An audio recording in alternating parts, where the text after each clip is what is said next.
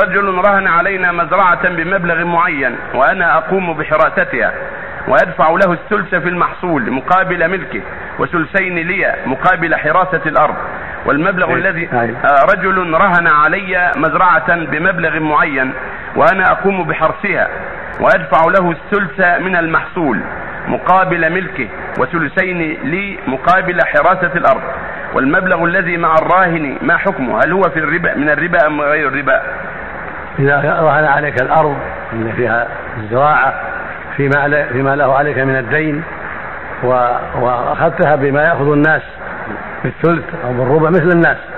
ما زدت له من أجل الدين. فلا بأس. أما إذا زدت له الناس يأخذون بالربع وأنت أعطيتها الثلث من أجل الدين ما يجوز. لأن هذا مقابل زيادة على القضاء. فيشبه القرض بالزيادة؟ أما إذا أخذتها من جنس ما يأخذها الناس هذه المزرعة بالثلث بالربع بالخمس لا ما زدته على ذلك شيئا فلا بأس. وإلا فلا يجوز لأنه من باب الزيادة لأجل يمهلك في هذا الدين. نعم. آه، الأسئلة كثيرة. لا يكفي وفق الله الجميع وفق الله الجميع